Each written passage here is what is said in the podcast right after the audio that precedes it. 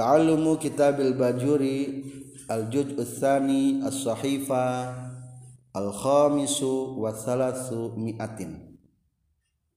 Kitabu ahkami sabqi ari ieu eta kitab netelakeun tentang balap warromyi jeung lomba manah. Jadi ieu hukumna rek netelakeun ngayakeun perlombaan-perlombaan balap atau perlombaan-perlombaan mana? Wahaza kitab min mubtakiratil imam syafi'i radhiyallahu an judul tentang ahkamus sabki hukum bala atau hukum mana? Sebetulnya eta termasuk hal anu pangpayuna ku Imam Syafi'i dibukukeun.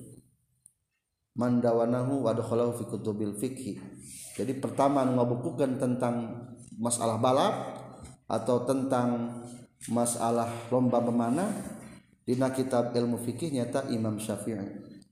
Tapi lain berarti imam-imam yang terdahulu sebelum Imam Syafi'i tidak membahas tapi ngabahasna teu disapasalkeun teu disakitabkeun kitunya dina bab anu berbeda-beda Ari balapna balap naon? Ae bisihamin tegesna jam paring. Wanah wiha jeung sabangsana jam paring. Watasihu jeung sah naon al musabaqatu balap? Musabaqah cek urang mah balap. Ala dawabi kana pirang-pirang kendaraan. ay alama teges nama netepan karena perkara huwa anu Ari itu ma al aslu eta asal. Fil musabakoti dina musabako alaiha karena itu ma. Min khoilin nyatana tina kuda wa ibilin jeng onta jazman kalawan mistik wa filin jeng dina gajah menang wa bigolin dina bigol. perkawinan kuda jeung himar disebutna naon? Bigol wahimarin jeung dina himar. Fil azhari numutkeun kaul dhahir wala tasihu jeung tesah naon al musabaqatu bala? Ala baqarin kana sapi. Wala ala nitahil kibasi jeung teu kana ngadu domba. Wala ala muharosati daikati jengkana ngaduken hayam hayam. La biwadin temenang kalawan make gaganti. Wala guerihi jeng hente tanpa iwan. Ia pasal rek ngajelaskan tentang masalah balapan. Perlombaan-perlombaan. Naon anu menang dibalapkan naon menang dilombakan menang tadi pungut dari peserta lomba sekian sekian. Tak iya dibahas ini dia tercantum.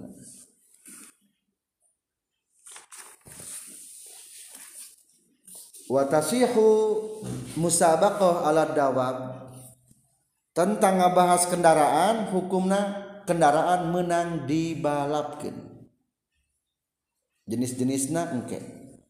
Mana nu penting kendaraan menang dibalapkeun mana fir keterangan dalilna bahwa kendaraan-kendaraan menang dibalapkeun sekitar salapan atau sepuluh jajar dari atas. Ada firman Allah.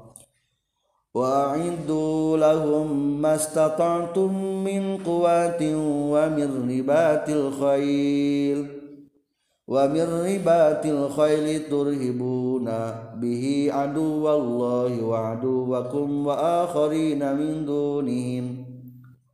Taya ayatna jadi perlombaan-perlombaan ieu teh tujuanana pikeun persiapan perang atau menambah kelihayan umat Islam dalam berperang. Maka dianjurkan maka Rasulullah berfirman wa'iddu jeung kudu nyiapkeun maraneh kabeh lahum pikeun ngalawan kafirin mastata'tum ska semampuan maraneh kabeh. Min kuwatin tina nyiapkeun kekuatan wamir ribatil khayli jeung tina tumetep nalina kuda. Maksud tumetep kuda teh jadi tumpak kuda teh sing bener siapkeun ta eta. Non dimaksud ku kuwah didinya wa fassaron nabi al quwwah Rasulullah telah mentafsirkan dapat kuat dalam ayat tersebut birramyi kumanah. Tuh jadi simpulnya masalah lomba mana jeng lomba pacuan kuda eta hukumna menang. Bahkan dianjurkan. Dianjurkannya lomba kuda pasukan kuda pacuan kuda jeng lomba memanah.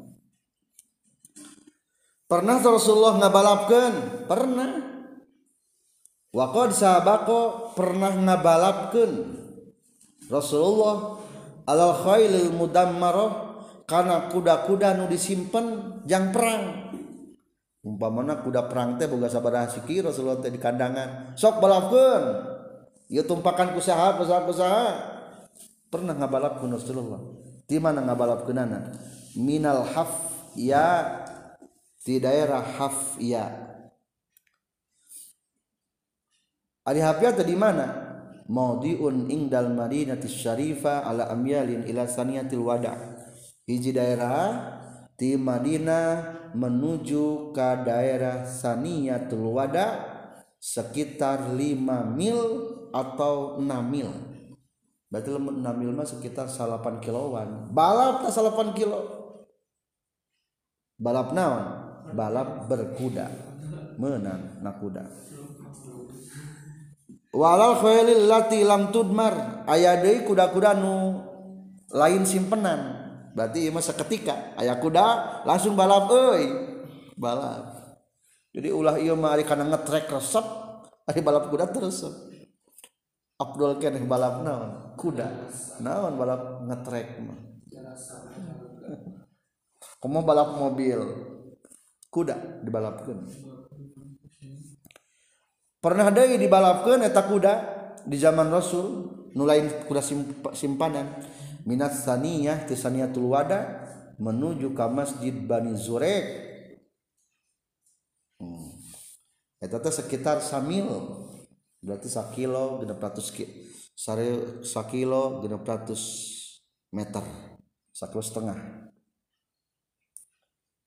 Wakanatil adba wahya naqatu Rasulullah Rasulullah pun pernah gaduh onta kebanggaan nominatnya adba. Non kontana? Kod onta adba. Atau disebut dari onta koswa. Koswa teh puncakna tarik tarik onta Rasulullah mah adba. Eta adba la tusbaku teu bisa dipiheulaan jadi eleh wae batur teh onta adba jadi eta onta adbate onta kesayangan Rasulullah. Bahkan pernah dicandak hijrah ke Ethiopia. Kan wideunya akhirnya dicandak hijrah ke Madinah. Tah kontan eta. Onta adba. Ketika barang ke Madinah Rasulullah tekan milih tempat. Di mana tempat tinggal Rasulullah? Mereka damel masjid. Akhirnya Rasulullah kan kumah onta? Onta di mana ngadepa? Berarti didinya bangun masjid dan tempat tinggal Rasulullah. Ternyata eta teh ontan teh ontan eta onta adba. Bahkan Rasulullah ketika putuh Mekah onta naon deui eta onta adba ontan eta. Orang kudu boga onta kesayangan ya orang. Orang Mekah mobil kesayangan kadang-kadang. Eta onta adba pernah dikalahkan atau didahului ke Nusajen Faja'a Arabi ala qaudin lahu fasabaqaha. Tapi tiba-tiba ya orang Badui eta orang Badui teh mamawa onta qaud. Ternyata diadukeun jeung Rasulullah fasabaqaha kapiheulaan ku qaud mah eta. Fasaqqa dzalika alal muslimin. Merasa payah orang muslimin tentang kejadian. Asa teu sopan eta si Arabi urang babuhan urang Badui gitu menimalap jeung Rasulullah. Kuma jawaban Rasulullah inna haqqan 'alallahi alla yarfa'a syai'an min hadhihi dair dunya illa wada'ah saestuna hak ka Allah mual ngangkatkan hiji perkaratina ia dunia kajbaku Allah bakal direndahkan. Dalam artian ia di alam duniamah tempatna ulah jam kumulhur non baru dianggap paling hebat suatu saat mah bakal naon? Bakal direndahkan. Mata cekasar itu yang jangan bela angkat naon ngerate nedegar ka para sahabat. Mata para sahabat ulah nganggap segala-gala nak keadba teh. Tuh gering ternyata gitu ketika Allah berkehendak mah eh adba ge. Ulah non semata-mata hiji perkara kumulhur pasti ku Allah bakal direndahkan intina pesan tina hadis mah ngagurakeun goreng ka orang Arab lain. Menahan emosi para sahabat supaya ulah sombong ulah sombong. Wa yukrahu tarku liman alimah karohatan syadidah. Makruh hukumna ninggalkan belajar memanah. Lamun jalma geusnya jadi kudu sungguh gak panahan tren belajar memanah. Imam Syafi'i pinter wa kana Imam Syafi'i anhu radhiyallahu anhu romian ahli pemanah Imam Syafi'i. Fakana yusibu pitis atin minal asrah. Imam Syafi'i lamun ditah kali mana salapan kali pasti yusibu tepat sasaran mengenai. Wa yukhti'u fil asir salah dina ka 10 gagal ka 10 mah. Naon sabab dan digagalkeun? Mukhafatan minal ain dikhawatirkeun aya penyakit ain. Ari ain teh eta mata jahat. Kamari teh uh kudu hebatnya euy Imam Syafi'i eh, hebat euy itu kakalahkeun nu gagalan. Tak bisa dipandang gitu tah pandangan pada mata kitu teh lamun terlalu kagum jeung bangga teh sebenarnya mah madarat kajalman hebatna eta. Matak menjatuhkan. Mata kamari gering di naon doa teh ketika ningali nu aralus. Bismillahi masya Allah La hawla wa la quwata illa billahil aliyil azim. Atau ada nanti hasan tukum bil hayyil qayyumil ladzi la yamutu abada wa dafa'tu ankum su'a bi alfi alfi la haula wa la quwata illa billahil aliyyil azim. Jadi etanya itulah tentang hadis-hadis atau keutamaan menang balap jadi menang balap balapna balap naon bae hiji menang balap jamparing bisi hamin ku jamparing tinggal kalau balapan sihar Ayana Husihami Jampari kalimah memanak. Wa musallat yang ke musallat wahjar balap ngabaedog ku batu. Roma habiyadin baik manahna kuleungeun langsung. Oman manjanik atawa make manjanik ketepel. Au mitla atawa alat cabut. atau alat manahnya. Eta termasuk perlombaan-perlombaan anu menang dilombakan eta mah berarti ari jam paling mah memanah mah eta mah benda ini lamun hewan mana? Lamun hewan. Hewan-hewan anu menang dibalapkan hiji khoel kuda. Dua ibil onta. Tilu gajah. Opat bigol. 5 himar. Temenang nu dibalapkan hiji sapi. Balap ngadu domba nya ngadukeun domba teh teu meunang eta mah haram. Ngadukeun hayam. Teu meunang jadi ari lamun kana domba disebut teh nitahul kibas. Nitoh teh nandukan ta eta nandukanana domba. Jadi ku, ku tanduk eta mah. Ari kana hayam sebutan naon? Muharosah nyiihan hayam. Karena kayak si ihan nih ari hayam. Tah ku ku si ihna sebutan teh muharosah teu meunang. Rek make duit rek henteu ari ngadukeun hayam teu meunang. Cupang ngadukeun cupang teu meunang. Teu meunang. Jadi ada menang mah bieu unggulnya lima macam. nusejena temenang diadu-adukan temenang diperlombakan balap sapi di mana? Di Bali. Sekaya balap sapi? Nah. ulah ulah diadukan sapi. Komo ngadu-gadun sejena maka ngalakin ngadu-ngadu mah haram. Iya mah ngan syukur ngabalapkeun mungkul. Iya mah ngabalapkan tak menang lima macam dibalap balapkan kumaha praktek na ya watasihu jeung sah non almunadolatu balap mana ail muromatu tegas nama balap mana bisihami ku jamparing izakana di mana mana kabuktian non almasapatu jarak jauhna. Ay masapatuma tegesna jarakna perkara baina mauqifir rami antara tempat cicing na anu mana? Wal gordi jeung sasaran panah. Alladzi anu yurma anu dipanah. Naon ilahi ya gordi? Maklumatun eta anu dikanyahukeun. Tentang masalah balap memanah hukumna menang diperlombakeun. kulna mah muharaman teh kitu nya balap mana? Imah balap karung muharaman teh. Balap budak eta make helm di karungan. Kulna mah balap iya balap mana? Kulna mah arek mah balap kuda nu sunnah mah. Eta mah sunnah.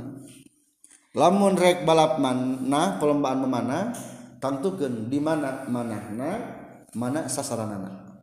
Tak eta hukumna menang kumaha praktekna dina balap mana? Wakana jeung kabuktian non sifatul munadolati sifatna balap mana? Ma'lumatun eta anu geus dikanyahokeun. Aidon deui bi ai yubayyina ku gambaran yen ngajelaskeun. saha al mutadali saha al mutana dilani dua jalma anu balap. Anu berlomba berenya karena panah mah. Kaifiyat tarrami kana tata cara manahna. Min qar'in tina ngalotre eh, salah lepat. Min qar'in tina qara' eta mah istilah dalam perpanahan. Wa huwa aritu qara' isobatu sahmi eta kena na jamparing algordo tepat kana sasaran. Wala yasbutu jeung tetumetep itu qara atau tetumetep itu sahmi fihai dina ieu gordin. Wa min khosakin jeung tina ari khosak mah wa huwa ari khosaq ayus kiba yen molongoan non asahmu paring algordo kana sasaran. Wayas butu jeng tumetep iya sahmu fihi na goron. Awmim marokin atawa tina marok. Wahwa ari tu marok ayan puda yen tembus naon asahmu paring minal janib ti ti hiji gigir al akhari al-akhara kana gigir anu sejen. Minal janibi ti hiji gigir al-akhara kana gigir anu sejen. Minal gurdi tina sasaran.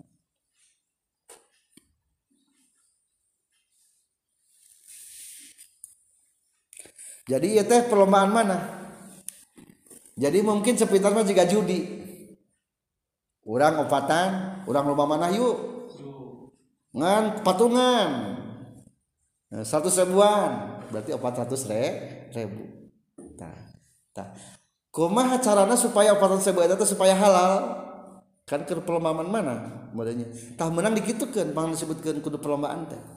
Menang dikitukan nu opatan teh umpamana mayar 400 ribu. Bis gitu juarana saha menang sepintas mah jika ngadu nih tapi kulantaran memanah mah diajarkan ku rasul maka teu karena kategori ngadu. Naon syaratna? hiji tata cara manahna sing jelas rek nukumaha si aturanana. Hiji ayat istilah koro. Ari koro mah tepat sasaran ngandragrag.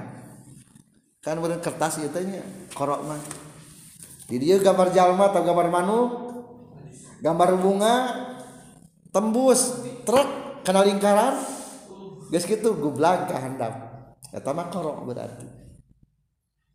kedua ayat istilah. Naon kedua mana? Khosak. Ada khosak mah molongoan. Tembus molongo cicing. Panahna teragrag. Tak eta nu alus eta ge. Berarti hebat eta nu katilu mah aya deui namina teh naon katilu Marok. Ari Marok mah nyata tembus. Ti dieu ieu kertas atawa naon be? Tembus ka ditu. Tobros tembus tina ieuna ta eta. Jadi rek mana balapna. Berarti lamun nembus mah berarti ciri kuat pisan ta. Hebat pisan cara memanahna pang alusna. Mana nu juara teu mana? Gitu karena jelas. Nu juara teu mana? Tah tentukeun mana rek kumaha? Sifat memanahna eta segi teknis pelaksanaan manahna. Kedua kuma sistem mengambil pembayaran anak waqad yukhriju jeung terkadang ngaluarkeun eh wa'lam jeung kanyahokeun ku anjeun anna iwadul musabaqah saestuna pengganti tina perlombaan. Huwa ari itu iwadul musabaqah al malu eta harta iwat maksud nama buruhan imbalan. Walam kenyahukeun ku anjeun anna iwadul musabaqah. Karena saestuna imbalan tina perlombaan. Huwa ari itu iwad al malu eta harta allazi anu yukhraju anu dikaluarkeun ieu mal fi hayna musabaqah. Wa qad yukhriju jeung terkadang ngaluarkeun hukana ieu mal saha ahadun mutasabiqin salah saurang anu balap kabeh anu berlomba kabeh. Wa qad yukhrijani jeung terkadang ngaluarkeun itu mutasabiqin dua ku kana iwat ma'an baina bareng. Wa zakaro jeung nyaritakeun sal musannif musannif al awwalina kahiji fi qaulina cariosan musannif. Wa yukhriju jeung ngaluarkeun al iwado kana pengganti atau kana imbalan. Saha ahadul mutasabiqaini mutasabiqin salah sahiji anu berlomba. Hatta annahu sehingga saestuna hatta annahu sehingga saestuna si ahadul mutasabiqin idza subiqa di mana-mana di pihelaan maksud nama dielehkannya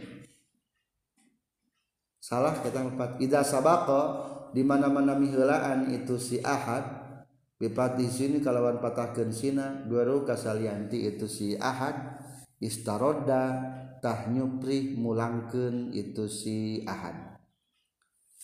Hu kana iwan ai iwaldo tegesna kana iwan. allazi anu akhraja anu ngaluarkeun. Ieu si ahad ku kana itu iwan wa in subiqa jeung lamun dipiheulaan maksudna mah dikalahkeun itu si ahad. Bidammi awali kalawan dhammah mimitian lapan subiqa akhoda tah nyokot ku kana ieu iwan saha sahibuhu. Ahlikna saha sohibuhu pemilikna itu iwan. Ai asabiku tegas nama anu naon ngaran teh? Anu milaan teh maksudna mah anu juarana gitu. Juara balapna disebut asabik asabikul alam jadi anu juara saha asabiku anu juara na lahu karena itu iwan. Jadi lamun rek perlombaan hayang halal kia carana lamun berlomba na dua jalma maka temenang dua dana bayaran. Tapi kudu salah sahijina. Maka disebut tadi mah wa yukhrijul iwado ahadul mutasabiqina salah satu dan mayarna atau tiluan. Umpamana cek Aziz kamu orang perlombaan mana yuk? Hadiahnya pokoknya mati orang 500 ribu nah, bisa bisa orang. Di ajis. Engke telah mun ajis menang berarti anggar. Yang ajis ke. Lamun ajis eleh berarti bikin kanu menang. Tah nu kitu mah sepintas mah jika ngadu cek nu bodoh mah. Tapi lain ngadu eta soalna nu duaan mah teu mayar. Kajaba lamun ditarik kabeh nu tiluan teh pesertana aya tiluan. Kabeh ditarikan 10 ribuan eta mah haram hukumna etama judi etama balap renang. Pendaftaran. Sarajan bahasa pendaftaran eta teh iwad eta teh. Tetap hukumna haram eta balap karung. Ngan setiap peserta kudu bayar saanu judi eta teh sebenarnya lamun hayang ulah judi mah sebagianana ulah mayar. Berarti teman ngaranna. Balap. Tak juga nu bieu teu saurang biayana. Meskipun miluan balap kedua gambaran kedua kumaha? Supaya halal ya dina perbalapan. Wa zakara jeung nyaritakeun sal musanniful musannif asania kana gambaran kadua fi qaulina cariosan musannif. Wa in akhraja jeung lamun ngaluarkeun jalma dua ail iwado tegas nama kana biaya karena pengganti maksudnya karena imbalan yang engkenya al iwado karena pengganti atau imbalan. Sahal mutasabiqani jalmi nu balap dua ma'an baina barang. Lam yajuz tah teu meunang ay lam yasiha tah teu sah naon ikhrajuha naon ikhrajuhuma ngaluarkeunana mutasabiqani lil iwadi kana iwan pengganti. Lamun aya jalma dua andek balap hayo euy satu seribuan lah. Eta mengadu ngaran. Ti si Zaid satu seribu ti Umar seratus ribu. Balap motor haram eta itu menang. Ngetrek atau balap mana gitu menang. Soalnya barangnya mengeluarkan uang. Berarti aku jeng judi eta. Menang. Kumaha tuh sarana supaya halal? Tak iya supaya halal mah. illa ayyudkhila kajaba yen masukkeun itu si mutasabiqani. Bainahuma antara si mutasabiqani muhallilan kanu ngahalalkeun kanu ngahalalkeun bikasilami ku kalawan kasrakeun lamna al awal nu kahiji wa fi ba'di nuskhi illa ayyudkhila ayudkhila illa ayadkhula kajabayan asuf bainahuma antara itu si mutasabiqani saha muhallilun muhallil. Anu ngahalalkeun fa in sabaqa maka lamun miheulaan ye si muhallil maksudna mamuna bipathin sini kalau patahkeun sina. Kulang miheulaan kasaban-saban sahiji minat mutasabiqain ti anu balap dua akhoda tah nyokot ya si halil al iwado kana bagianana allazi anu akhraja anu ngaluarkeun itu si mutasabiqain hu kana ieu iwan. Wa in subiqa jeung lamun dipiheulaan ya si muhallil bidami awalihi lam yugrom tah tekat lam yagrom tah teka teka tempuhan ya si muhallil. Lahuma kasih mutasabiqain syai'an kana naon-naon jadi lamun dua jal marek balap marek ngayakan perlombaan make duit. Supaya halal maka kudu aya muhalil. Muhalil itu maksudna mah orang anu matak ngahalalkeun. Contoh orang kahiji namina Ahmad mayar 100 ribu. Orang kedua ngarana Budi mayar 100 ribu. Lamun balap keduaan mah haram itu disebut tanah ya? judi teh ya. Lamun hayang halal cari orang ketiga. Ngarana Anas umpama. Ngan pepejeh orang ketiga mah ulah dipenta duit. Tah maka disebutna muhalil teh eta. Teu dipenta duit. Kumaha tah lamun kitu? Lamun kitu mah meunang tapi pepejeh kudu saimbang orang ketiga nanti ulah ieu mah supaya nu penting mah pada halal we. Nengan budak leutik hayulah cenah milu. ulah kudu nu saimbang tingali dina palembah muhallil ayus ayas tanito bainahuma salisan. Eta nu katilu teh yakunu kabuktian salisan kupuan seimbang. Lahuma kaitu jamal duaan mutasabiqan wadabatuhu kupuan lidabatihima kendaraan anak seimbang. jeng kendaraan eta dua jalma ae bihaisu takunu dabatu mutasawian dikuli wahidin min huma nah sebab disebutkan muhalil? Li annahu halal al aqda bi ikhrajihi an suratil kimar Pano sebutkan muhalil teh ieu teh anu matak ngahalalkeun tina akad tina bentukna ngadu nu diharamkeun. Jadi kitu tah orang nu mah kudu ulah mayar. balap bae. lamun katilu menang jang sah berarti. Jangan katilu ulah nyebutkan rugi euy urang mah ulah urang mah bayar mana teu mayar ulah. Walil eta. Nu ngalalkeun lamun nu katiluna eleh peta duit ulah. Ulah ulah.